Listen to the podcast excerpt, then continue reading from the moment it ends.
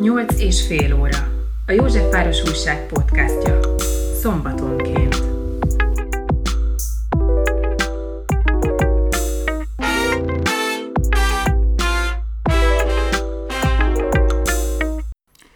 Eheti podcastunk vendége Újhelyi Sándor, aki 2015-ben megalakította a menekülteknek segítő civil Migration Aid nevű szervezetet, most pedig a Mandákházban segít az Ukrajnából érkező menekültek ellátásában, valamint a tolmácsolásban is. Erről is kérdeztük, de szóba kerültek orosz kapcsolatai, politikai törekvései, hogy miből tudja az emberi baráti tevékenységét finanszírozni, és az is, hogy miként lett vége az egész ukrán-orosz háborúnak május 9-ig, amely a második világháborús orosz győzelmi nemzeti ünnepnap. Ez itt a 8 és fél óra, a József Város Újság podcastja. Én Dercsényi Dávid vagyok. Ugye mo- mostani utóbbi napokban hallottuk, hogy egyre nőnek a harcok a Ukrajna keleti oldalán, keleti részén, és hogy egyre több menekült érkezik hozzánk, és ezt a kormányhivatal is megerősítette a számok alapján. Önök mit tapasztalnak ugye a Mandákházban, hogy növekszik a menekültek száma, egyre többen jönnek hozzánk és kérnek segítséget tőlünk? Hát nem egészen ez a helyzet, mert ugye mi a Mandákházban a már a Magyarországon tartózkodó menekültekkel foglalkozunk, tehát nem a tranzittal, meg nem az érkezőkkel.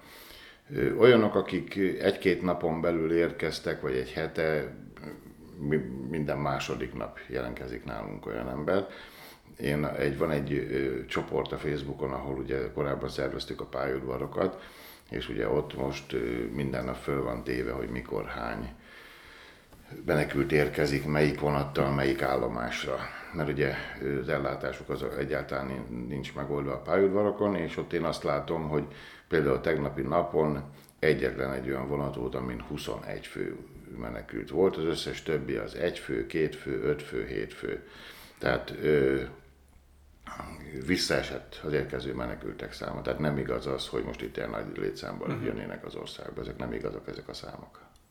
Ö, azt is olvastam, hogy egyre többen próbálnak visszamenni mondjuk Kievbe, és érdeklődnek, hogy oda is ingyenes az út. Erről is vannak tapasztalatai?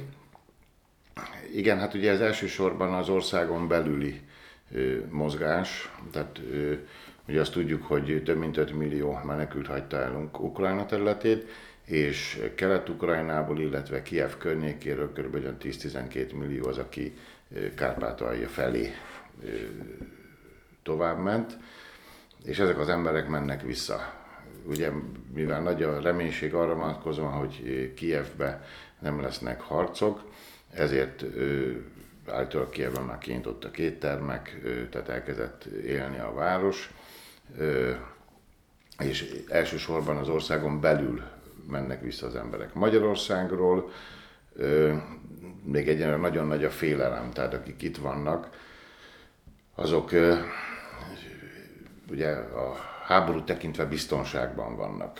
Az ellátásukat tekintve ugye nagyon sok kívánatos dolog van, de még mindig félnek nagy létszámba visszamenni. Tehát adódnak olyanok, akik visszamennek, de ez még nem tömeges. Uh-huh.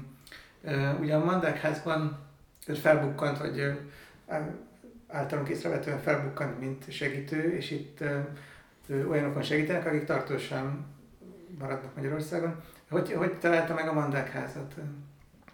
Hát ugye kezdtem a határon, aztán utána a keleti pályaudvar, a keleti pályaudvar után, amikor megnyílt a bokcsarnok, akkor ugye bekerültem a bokcsarnokba, és amikor a bokcsarnokban nem kívánatos személy lettem nyilvánítva, akkor rám talált Volba Márta evangélikus lelkésznő, ő az, ugye a Mandákháznak a, az ő egyházkerülete, a Budapest Józsefvárosi Evangélikus Egyházkeretek üzemelteti ezt a bizonyos Mandákházat, és akkor ő hívott meg, hogy üljünk le, beszélgessünk, és aztán ott is ragadtam.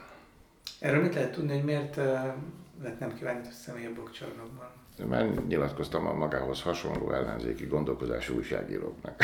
Ha bár nem tudom, hogy önök milyen... Egyelőre... ugye Józsefvárosi, ugye az az egészen más, hogy a közszolgálati, tehát akkor inkább úgy mondom, hogy nem Fidesz párti médiának nyilatkoztam. Ugye a 168 óra akkor még ilyennek minősült, és én elmertem mondani azt, hogy vannak problémák a bokcsarnokban. Igaz, hogy a riport úgy záródik, és ugye ez bármikor leellenőrizhető, mert ugye írásban is megjelent, hogy néhány napos keményebb harc után végül is ígéretet kaptam arra, hogy minden általam felvetett probléma megoldásra fog kerülni, és ez is benne van a riportban. És ez nem volt nekik elegendő, hanem egyáltalán az a tény, hogy én mertem nyilatkozni arról, hogy valami probléma van a menekült ellátással, ez elegendő volt ahhoz, hogy nem kívánt a személynek legyek nyilvánítva. Ezt így írásba adták, hogy kijelentették? Vagy... Írásba természetesen nem adtak semmit. Ezt ott a Fővárosi katasztrófa, fővárosi kormányhivatal védelmi bizottságának az egyik felelős vezetője közölte velem személy szerint. Hogy, hogy akkor ne jöjjön, mert nem Igen, elvették gyakorlatilag a helyemet, rendőrrel novattak ki, a, mert ugye a csarnok közepén volt az úgynevezett információs pult, ahol nekem ott volt az asztalom, ugye én felügyeltem ezt az információs pultot, mint az egyik legrégebbi gyakorlati tapasztalattal rendelkező menekültellátó, plusz ugye tolmács voltam, beszélem ugye a nyelvet, illetve az önkéntes tolmácsokat én fogtam össze. És egyik reggel, amikor ezen a bizonyos reggelen bementem, akkor ott rendőrök ültek, és kemény határozottan felszólított az ügyeletes parancsnok, hogy nem veszem észre, hogy itt a más táblában, úgyhogy takarodjak onnan. Így lettem kidobva. Uh-huh. Értem.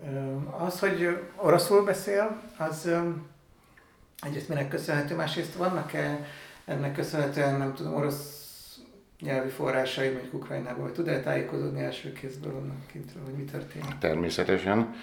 Ugye valamikor nagyon sok évvel ezelőtt a Budapesti Műszaki Egyetem építészmérnöki karánról oroszból lettem kirúgva fél év ismétlésre, mert annyira nem tudtam az orosz nyelvet és aztán az élet úgy hozta, hogy a munkám során kénytelen voltam megtanulni. Ugye 94-től 2000-ig Kievben éltünk és dolgoztunk a feleségemmel, és akkor ott ugye az a hat év anyanyelvi területen az elég volt ahhoz, hogy az ember megtanulja tisztességesen a, ugye elsősorban az orosz nyelvet. Az ukrán nyelvből nagyon sokat értek, de keveset tudok beszélni, de megértem akik, azokat, akik ukrán nyelven beszélnek és így aztán az állandó ehhez a Oroszországhoz, Ukrajnához kötődő munkaügyi kapcsolatok is hozták azt, hogy, hogy értem is a nyelvet, meg, meg, meg vannak a kapcsolataim. Ugye több mint 30 éve vagyok a Vállalkozóklub Egyesületnek az elnöke. Ez a szervezet foglalkozik a volt Szovjetunió szétesése utáni tagközt, vagy köztársaságokban, orsz, új országokban kialakult új szabályzók, törvények, körülményeknek az elemzésével, és ugye rengeteget segítettük magyar vállalkozóknak a ottani piacokra való kijutását, illetve ö, ö, orosz, elsősorban orosz-ukrán vállalkozóknak a magyarországi megjelenését. Ugye évente rendeztük a, ilyen fórumokat, ahol ugye sok száz vállalkozó vett részt az, az elmúlt években. Uh-huh. A korábbi években pontosabban És akkor, és akkor vannak kapcsolatai most Ukrajnában is, és Igen. tudja, hogy mi zajlik. De inkább Kievről van információja, vagy más felől is vannak? Ö, hát nekünk a volt kollégáink ugye azok kieviek. Tehát ők ővel szinten napító szinten tartjuk a kapcsolatot, mesélik, hogy mi van, hogy van, meg hát orosz területen is vannak kapcsolataim. Uh-huh. Azért... Mindkét oldalnak a, a verzióját ismerem. Uh-huh. Az, hogy, hogy orosz vállalkozókat is segítettek, az mennyire jelentette azt, hogy lojálisnak kellett lenni az, mondjuk az orosz hatalmi narratívákhoz, vagy azokkal egyesül, azonosulni kellett, tehát mennyire kellett jóban lenni a hivatalos orosz hatalommal, mondjuk ilyen szinten, mint amilyen ön dolgozott? Én Putyinra most nagyon haragszok. Tehát ő korábban egy olyan vezető volt számomra, akit annak ellenére, hogy ugye tudva azt, hogy, hogy az emberi jogok és, és nagyon sok minden sérült Oroszországban az elmúlt évtizedekben, de mégis egy a jelcini időszaknak a, a egyszerűen csak úgy lehet mondani, borzalmas káoszából támasztotta föl Oroszországot, létrehozott egy biztonságos államot, létrehozott egy olyan területet, ahol nem kellett este félni kimenni az utcára, ahol nyugodtan lehetett vállalkozni, ahol a vállalkozók eredményeket tudtak elérni, egy stabilitást hozott, és egy, egy egyértelmű jólétet hozott az orosz népnek. Ugye a külföldiekhez való viszonyt nagyon jól mutatja egy korábbi jó pár évvel ezelőtti tévé nyilatkozata, amikor mondott egy ilyet, hogy külön akciócsoportot hoztak létre az FSB-nél, tehát ugye ez a KGB-nek az utódszervezete, az a titkosszolgálatnál, külön akciócsoportot hozott létre annak folyamatos vizsgálatára, hogy az oroszok által nemzet, vállalt nemzetközi kötelezettségeket teljesítse az orosz fél. Teljesen mindegy, hogy magánvállalkozásról, állami vállalatról, önkormányzatról, vagy bárkiről van szó, és külön figyeltek arra, hogy ezek a nemzetközi szerződések korrekt, tisztességes módon teljesítve legyenek. Az más kérdés, hogy a riport végén hozzátett még egy mondatot, hogy ja is hagyják békén a külföldieket a, a korrupció kérdésével, ne akarják őket állandóan levenni pénzzel, ezt az oroszok intézzék el egymás közt. Uh-huh. De ez volt egy ilyen fura mondata akkor annó Putyinnak. Ez tény, hogy... Ez mikor volt? Ez körülbelül egy olyan, most ki vagy 2022, egy olyan 8, 8 évvel körülbelül ezelőtt volt talán ez a riport és ö, tény az, hogy, hogy a hatalmas változás volt Oroszországban olyan szempontból, ugye, hogy amikor én belekezdtem az ottani üzletekbe, építőipart csináltam ugye Oroszországban, akkor volt, aki azt mondta, hogy persze nagyon könnyű az oroszokkal üzletet kötni, mert mindenkivel be kell rúgni, és mindenkit meg kell venni. Na most, aki így csinálta, az garantáltan börtönbe jutott odakint. Uh-huh. Tehát ott azért kialakult egy teljesen új réteg, akik, akik nem az alkoholba folytatták rendszeresen az üzleti találkozókat, és ugye az FSB az pedig kifejezetten ott lihegett állandóan a nyakunkban, hogy semmilyen korrupciós ügyekben ne vegyünk részt. Volt egy ismerősöm, aki sajnos ezt nem tartotta be, két évet ült is odakint egy bizonyos korrupciós ügy miatt. Úgyhogy nekünk külföldieknek nagyon is távol, távol kellett tartanunk magunkat minden ilyesmi dologtól. De azért a korrupció azért jelen van, elég rendesen jelen volt már az utóbbi években is az egész Putyin érában, az egész országban. Azért ezt lehet tudni, illetve hát az autoriter vonások is egyre erősödtek, kezdve a civilek megbélyegzésén és a, a, a, a, a külföldi, illetve független sajtó lassú ellehetetlenítésén, tehát azért az irány az egyre erősebb lett, és most már, már tényleg körülbelül diktatúráról beszélünk, amikor azokat is letartóztatják, akik egy képzelbe egy táblát mutatnak föl. Tehát igen, mert ugye Putyin, amikor elkezdte az egész munkásságát, akkor az elsődleges feladata az volt, hogy a, a jelcini káoszból stabilizálja az országot, biztonságot teremtsen, működőképességet teremtsen. Tehát akkor ő neki nagyon komoly és nagyon jó célkitűzései voltak, amiket folyamatosan megvalósított. Csak ugye mára az ő célkitűzései átmentek teljesen a saját hatalom megtartására irányába. És ugye most, ami aztán a legborzasztóbb itt a végén, hogy nem csak a hatalom megtartása, hanem már a saját álmoknak a kergetése.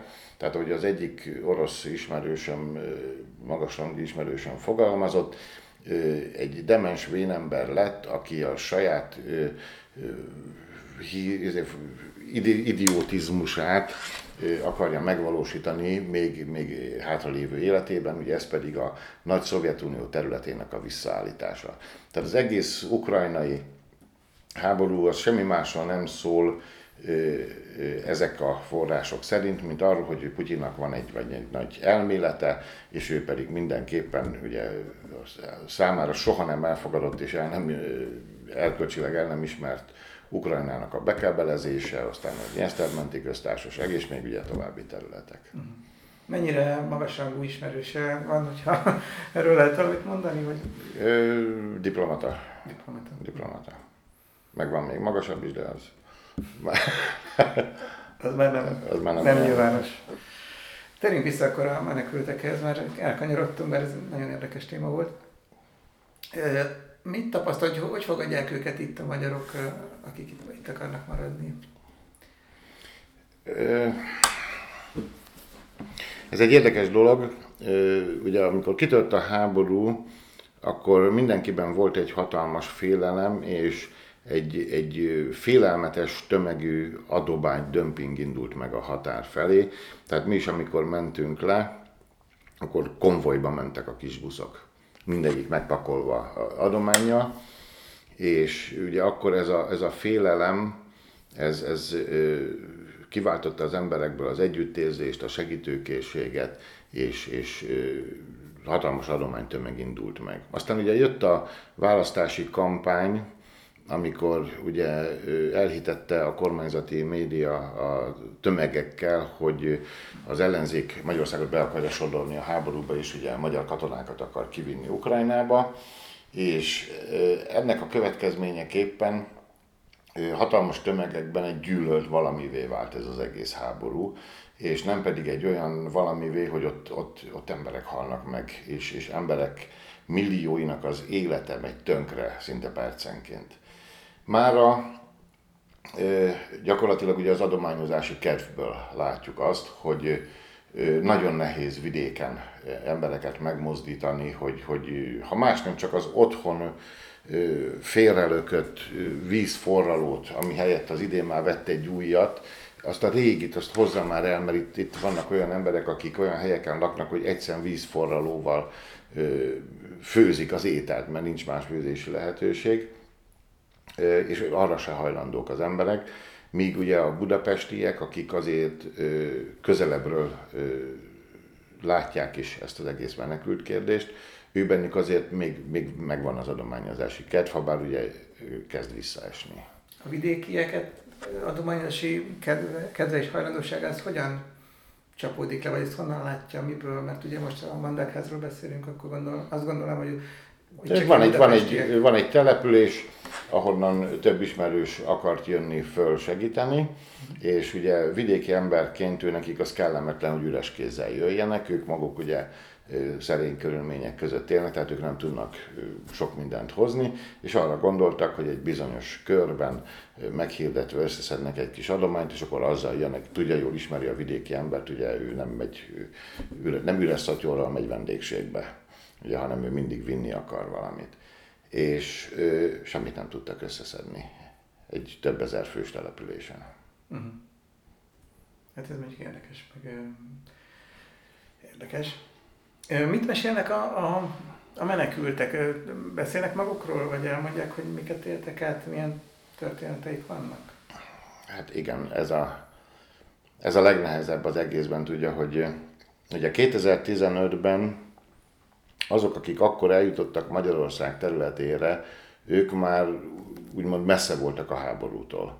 Tehát akkor... Ez a krími félszigeti... Nem, nem, hanem a, a szíriai.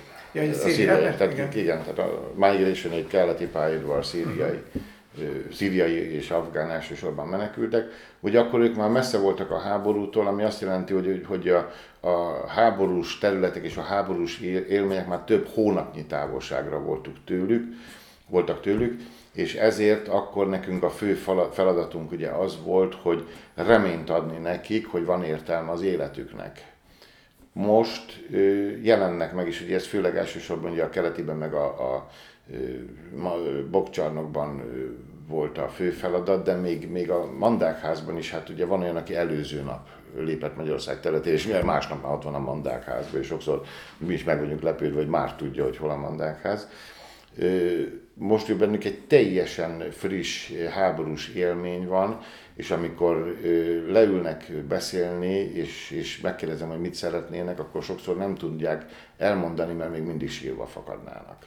És sírva fakadnak. Tehát ő nekik most az első lépés és az első, amit adnunk kell, az, az a, a nyugalom. Az, hogy megnyugtatni őket, hogy most ők itt egy békében vannak, szeretettel fogadjuk őket, Szeretet veszi őket körül, segítünk és megoldjuk a bajokat. Első lépésben ezt kell elhitetni őket, hogy egyáltalán el tudják mondani, hogy mit szeretnének. És akkor mindegyiknek ilyen friss, traumatikus élményeik vannak, gondolom. Az újonnan érkezőknek, igen. Uh-huh. Ugye arra utalt, hogy, hogy gondjaik vannak az ellátással.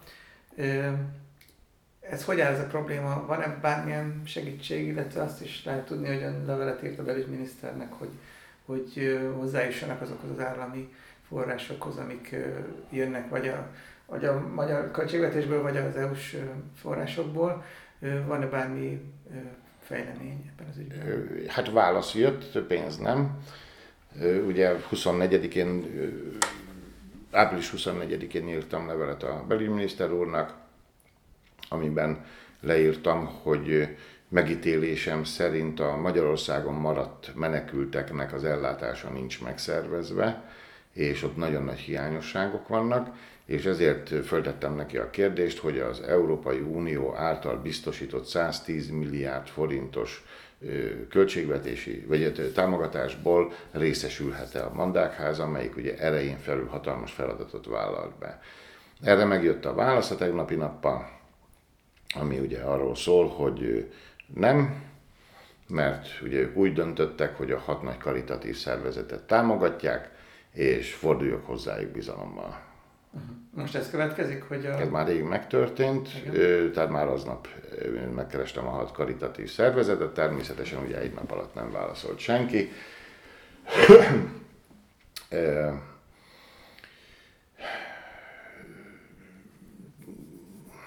Most nem akarok önnek feladatot adni, de ha, ma este a riport után, vagy éjszaka unatkozni fog, menjen fel a hat karitatív szervezetnek a weboldalára, és egy valamit biztosan látni fog. Hatalmas felületek szólnak arról, hogy adományt kérnek. Természetben, pénzben, külföldről, céges szervezés, mit tudom én, ezerféle pénzgyűjtési és adománygyűjtési akció le van írva, hol lehet leadni, hova vigyék, hogy csinálják és ha talál olyan helyet, ahol megvan adva egyetlen egy cím, hogy hol lehet ez az adományhoz hozzájutni, akkor családjával együtt megvendégelem egy vasárnapi ebédre. Nincsen Nincs. fönt a weboldalakon egyetlen egy ilyen hely se. Az egyetlen egy karitatív szervezetnél nincs egy ilyen, hogy ide gyertek, mert itt adunk adományt. Értem. De azért Várja a válaszokat. Várom, igen, mert, mert ez érdekes, és hogyha attól függően milyen lesz a válasz, én nem fejeztem be a belügyminiszterrel a levelezést ezen a téren, folytatni fogom, mert naponta látom a tragédiákat, amik, amik vannak. Most, most csak egyetlen egy esetet fogok elmesélni. Múlt hét pénteken bejött egy idős néni, ugye orvosi segítséget kért, 22-24 a cukra most ugye ez már egy olyan szint, ami ugye azt szokták mondani, fekete humor, hogy ilyenkor már illik meghalni egy ilyen magas cukornál, inzulinnal nem tudják lenyomni. És akkor kérdeztem, a, egy cigányasszonyról beszélünk, kérdeztem, hogy hát mi váltja ki, mitől van ez így, otthon is, Ukrajnában is ez volt, de hogy is otthon még tablettákkal el volt, tehát volt cukra, de tablettákkal el volt, csak ugye az állandó feszültség, az állandó problémák. És mondom, milyen problémák vannak. Ugye ahhoz szegényként, hogy el tudja mondani, hát először is meg kellett ölelnem. Tehát úgy, úgy olyan zaklatott állapotban volt szegény asszony, hogy, hogy nem tudta elmondani, hogy, hogy mi van, hogy van. És akkor megöleltem, szépen megnyugtattam, és akkor mondta, hogy hát többek közt itt van a 38 éves fia, aki ö, Ukrajnában szívtransplantáció előtt állt, amikor kitört a háború, és úgy hozták át. Úgyhogy most otthon fekszik, itt Budapesten, ahol laknak, és várják, hogy minden nap, hogy hogy fog meghalni, mert azt se tudják, hova lépjenek. Ennyi, ezt nem tudják, hogy itt vannak, akkor be kell menni a idegenrendészethez, megkapják a kis kártyájukat, annak a kis kártyának a szám alapján föl tud írni gyógyszert az orvos, alapinformációkkal nem rendelkeznek. És nem csak a cigányok. Tehát a háborús menekültnek lenni az egy borzalmas dolog. A háborús menekült senkinek nem kell. Akárki akármit mond, akármilyen ország bármihogy festi magát. A háborús menekült senkinek nem kell, mert ő zaklatott ő, ő tele van feszültséggel, egy háború elől jön. A háborús menekültő sokkal jobb a munkavállaló, aki csak jön, egyértelműen tudja, hogy mit akar, dolgozni akarok, ezt akarok, ő sokkal jobb, mint a háborús menekült. háborús menekülnek lenni cigányként, na ez maga a tragédia. És Magyarország itt egyértelműen bebizonyította, hogy micsoda borzalmas rasszista ország. Tehát az, ami ma folyik Magyarországon a cigány menekülteket illetően, az a hozzáállás, az a gazemberség, az a kihasználás. Olyan aljas dolgok vannak, úgy kihasználják őket, csak egyetlen egy példát mondok, 12 ezer forint per nap per szoba szállás. Kettő felnőtt, három gyerek. Egy darab szoba, nem nagyobb, mint ez a stúdió, ahol mint a heringek alszanak, ezért fizetnek napi 12 ezer forintot, úgy, hogy a folyosó végén 30 ilyen szobára, vagy 25 ilyen szobára jut egy konyha és WC. És amikor megkérdezem szerencsétlen emberektől, a férj csak azért dolgozik minden áldott nap, ugye 1000 forintos órabért fizetnek neki, hogy ezt ki tudja fizetni. És amikor vasárnap pihenni akar, akkor a feleségének kell mennie be dolgozni, hogy meglegyen a 12 ezer forint. És amikor kérdezem tőlük, hogy hát gondolkozatok, mert ez 360 ezer, igen, 360 ezer forint egy, egy hónapba, hát ettől sokkal olcsóbban lehet lakást bérelni. Gondolkozatok, már észnéljétek, mit csináltok? És nem tudunk. Mert megtudják, hogy cigányok vagyunk, és nem adnak lakást. Érti? Tehát olyan mocskos gazember dolgok vannak, és úgy kihasználják őket. Pedig ezek a kárpátaljai ö, emberek, ö, Beregszáz környékén van nagyon sok olyan cigáns család, akik évszázadok óta egy ilyen családi tradícióban bárdogosok. Az egész volt Szovjetunió területét bejárták. Mindenhol ők csinálták a tetőket. Évszázadok óta. Csak ugye írástudatlanok. Volt egy srác, 28 év körüli volt, és akkor kérdeztem, hogy egy teljesen jól öltözött tehát ne haragudjon, de körülbelül úgy nézett ki, mint ön. egy jóképű fiatal ember. az egy kis szakállával, mindent, egy, hogyha most itt szembe jönne az utcán, akkor azt mondaná rá, hogy, hogy egy, egy egyetemista valaki, vagy egy, egy egyetemet végzett valaki. Egy teljesen értelmes arcuk és rác volt. És Kérdeztem tőle, és tudsz írni? És nem. Hogy, hogy? Tíz éves volt, amikor apám már vitt a tetőre. Tíz éves korom óta dolgozok. Érték? Úgyhogy borzalmas dolgok vannak, amiket mi ott látunk. Mennyire tudja követni a, a menekültek sorsát, akikkel találkozik, mert éppen mondta, hogy mondott egy példát is erre, de hogy, hogy tud erre még figyelni, vagy, vagy vannak, akiknek így tudja követni, hogy aztán mi lesz velük? Természetesen, ugye itt a Mandákház azért különbözik nagyon sok mindenben, mondjuk a bokcsarnoktól, vagy, vagy más helyektől, ugyanis nem csak arról van szó, hogy, hogy bejött valaki, adunk neki két marék rizst, aztán menjen tovább, hanem családokat elkezdünk menedzselni. Tehát segítünk az albérletkeresésben, ugye az evangélikus egyház diakóniai szolgálatán keresztül ugye külföldről kapott pénzekből, mert nem magyar pénzekből, még a, a lakbér hozzájárulást is tudnak biztosítani. Tehát magyarul, hogy kikerüljenek abból a, a borzalmas körülményből, amiben vannak. Másfél szobás lakásban lakott négy ember, és befogadtak nyolc menekültet. 12 ember lakik egy másfél szobás lakásban. Tehát este, amikor leteszik a szivacsokat, akkor meg nem lehet mozdulni. Na most ugye onnan járni, dolgozni, ilyen körülmények között élni, az nagyon nehézkes. Tehát innentől kezdve ugye az orvosi segítség, az óvoda, iskola, bölcsöde, próbáljuk őket szó szerint menedzselni. Csak ugye akkora nagy az igény, hogy egyszer már nem bírjuk. És erre kértünk a fővárostól segítséget. Én a Karácsony Gergelynek ugye már márciusban megírtam a levelemet erre vonatkozóan, hogy, hogy szükség lenne egy ilyen központnak a felállítására, amire helyiséget kértem volna. Nem is válaszolt a levélre. Erre, ennek, egy, ennek a felállításához pénzre van szükség, mert nem lehet csak önkéntesekkel végezni ezt a munkát, hanem kellenek olyan emberek, akik meg vannak fizetve, és ott vannak reggeltől estig, és felügyelik a, a problémákat, de hát nem hajlandó a belügyminisztérium erre pénzt adni. Ezt a munkát mi ugye naponta több száz embert látunk el, végezzük egy 20, nincs 24 négyzetméteres a helység. Tehát akár hiszi, akár nem, nagy kabátba kint ültem az udvaron, egy asztalnál venni fel az adatokat, mert nem fértem be az irodába. Mert így 24 négyzetméteres helyiségben végezzük ezt az egészet. A Mandákháznak az udvarán, ahol amúgy meg 80 ember él, 50 ö, kollégista, plusz a lelkész asszony a családjával, meg, meg a kántor, meg, meg nem tudom még kik, van egy-két menekült család. Egy olyan udvaron, ahol korábban a Józsefvárosi örökbefogadott gyermekek láthatósági programjától kezdve nagyon sok ilyen, ilyen programot hajtottak végre, amik most teljesen háttérbe szorultak mi, miattunk. Hogyha ezzel az egész ügyel ennyit kell foglalkozni, akkor mivel tud megélni? Hogyan tudja fenntartani magát? Ö, ugye a, a pandémia elején, mivel láttam azt, hogy, hogy bezárt állapotban teljesen tönkre mennék, ugye nekünk volt egy éttermünk, meg egy szállodánk, 3 millió forintba került bezárt állapotba a két ingatlan. Nem volt pénzem, hogy ezt én kifizessem ki tudja hány hónapon keresztül, ezért áron alul, de lehető leggyorsabban megszabadultam mind a két ingatlantól. Ugye ilyenkor mindig vannak olyanok, akik mivel olcsó az ár, felvásárolnak.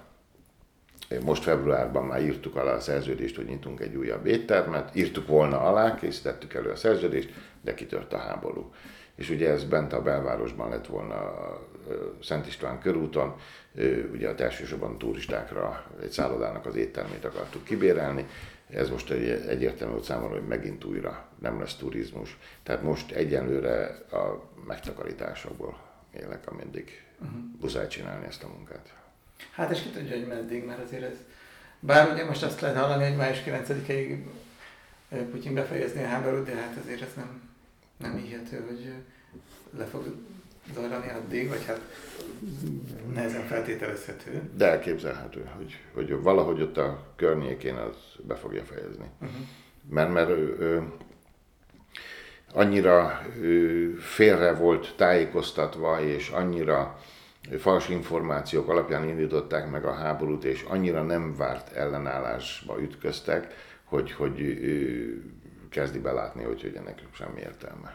Jó, de erről tud valamit, hogy hogy, hogy fejezheti be, úgyhogy hogy, azt mondja, hogy vége, tehát hogy, hogy hibáztunk és kivonul, vagy, vagy egy olyan... De ne, nem, hát a, a, a eleve célnak kitűzött, hogy Ukrajnát szabadítsuk föl a fasiszták alól, hát miután ez egy nem létező feladat volt, ezért bármikor ki lehet kiáltani, hogy ezt megvalósítottuk, uh-huh. ugye?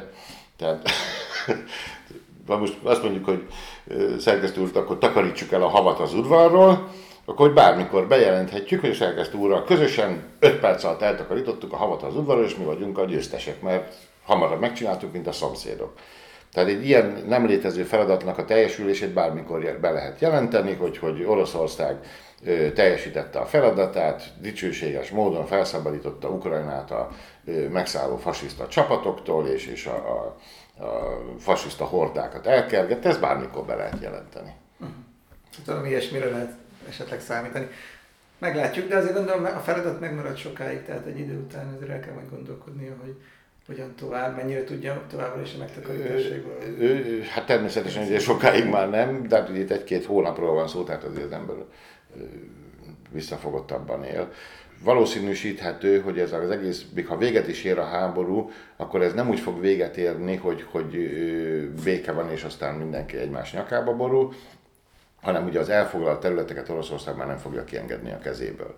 Ami azt fogja jelenteni, hogy, hogy ugye, ahogy korábban Ukrajna nem ismerte el a, a két szakadár államot, ugyanúgy nem fogja elismerni ezeket a többi részeket is, hogy most ott kialakul egy olyan állóháború, ami 2014 óta, ugye 8 éven keresztül megvolt.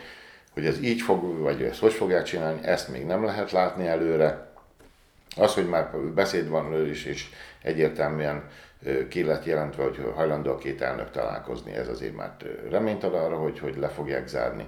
De egy biztos, hogy azok az emberek, akik most eljöttek Nyugat-Európába, vagy Magyarországra, Harkovból, Mariupolból és ezekből a keleti és délkeleti régiókból, ezek az emberek oda nem akarnak visszamenni. Tehát, hogyha ez orosz felhatóságú terület lesz, akkor ők oda nem akarnak visszamenni. Ezek az emberek vagy majd megtelepszenek Kievben és környékén, vagy maradnak Európában. Uh-huh. Még egy dologról kérdeznék, hogy 2019-ben lett az új alternatíva párt vezetője, amely pártról nem nagyon lehetett hallani azóta. Ezzel, ezzel a területen mit lehet tudni, vagy mi a helyzet? Próbáltak-e indulni a választásokon, vagy abszolút nem tudom, szünetelteti most a tevékenységet? Hát ha menekültekről beszélek, akkor soha nem szoktam a pártról. Mert a menekült ellátás az egy pártfüggetlen, tehát az én értékrendemben az egy pártfüggetlen dolog. A bajban lévő emberek megsegítése az nem pártkérdés. És én azért nem szoktam, tehát gyakorlatilag amióta a menekültekkel most foglalkozok, egyetlen egy olyan posztomat nem talál a Facebookon, ahol én az új alternatíva pártnak leírtam volna a nevét, vagy, vagy a párt nevébe bármit csináltam volna. Gyakorlatilag hónapok óta szüneteltetem a, a megjelenést. Ugye mi akartunk indulni a, egyértelműen a választásokon, ugye 2019-ben megalakultunk, és akkor már kész volt egy országjáró rócsónak a terve, mert ugye tudtuk azt, hogy ez vidéken fog eldőlni ez a választás, nem véletlenül van az, hogy vidékre van beegyezve a párt, és nem Budapestre, tehát ugye ez is egy jelzés volt, ugye, hogy, hogy Lajos Bizsére van beegyezve a párt, és vidéket akartuk bejárni, és erre bejött a pandémia. Na most ugye emiatt, hogy nem lehetett semmit, tehát még öt embernek se lehetett összegyűlni egy, egy helységben, ezért volt az, hogy egyetlen területre koncentráltunk, ez a Pest megye 9-esbe akartam indulni, ahol meg ugye a 106 egyéniből ez volt az egyetlen, az egyike annak a 11 helynek, ahol az ellenzék megállapodott, és ugye a Smunk Erzsike lett a közös jelölt, tehát nem volt előválasztás. Úgyhogy, és amikor ez kiderült, hogy, hogy nincs előválasztás és nem tudok indulni, akkor ugye egy hétig duzzogtam, hogy akkor nem tudunk részt venni, aztán volt egy falunap Nagyká, Szentmártonkátán, és akkor jött hozzám a Smuk Erzsike, leültünk, beszélgettünk, és akkor mondtam neki, hogy jó van, akkor egy fontos dolog van ugye, hogy, hogy meglegyen a kormányváltás, akkor én abba hagyom a duzzogást, az jövök segítek, és akkor beálltam az ő kampánycsapatába, és gyakorlatilag az egész kampányba végsegítettem őt. Ezt neki kapott? Nem ő kapott ki, mert ugye a február elejé közvéleménykutatásnál is még határozott a vezetés volt, vezetett az ellenzék. Bejött a háború, és ezt a háborút az ellenzék nem tudta felhasználni, ennek a, az egésznek a üzenetét. Orbánék viszont, tehát a kormány viszont meg egy ordas hazugsággal le tudta tarolni a, a, az ellenzéket. Tehát az, hogy, hogy mindenhol azt hirdették, hogy az ellenzék katonákat akar Ukrajnába küldeni, ezzel teljesen megfordították az egész választást, az emberek nem is gondolkoztak, tehát nekem a saját ismeretségi körömben is vannak olyan emberek, akik kategórikusan Fidesz ellenesek voltak, és kormányellenesek, és mégis a Fideszre szavaztak, mert még ordítottak velem a telefonba, hogy, hogy hát ezek őrültek, mit képzelnek, hogy a katonák, a fiainkat viszik a háborúba. Senki nem akart őket odavinni. Ez egy oldas hazugság volt. De ezzel a, ez a hazugságot bevette a nép, és ezzel győzött. Tehát az, hogy 30-65 százalék arányba tudott győzni az a kormánypárti jelölt a Pest megye 9-esben, aki korábban 50 százalék alatt volt, és ez egy pár nap alatt fordult meg, ez, ez csak emiatt volt. Értem, de akkor ne is veszélyünk többet, csak akkor ez a párt ér, és Igen. valamikor majd ismét hallunk róla. Majd ha lement a menekült teknek ez a megsegítés, akkor majd újra színre lépek, mert én a kettőt nem akarom összehozni. Köszönöm szépen a beszélgetést. Én is köszönöm szépen.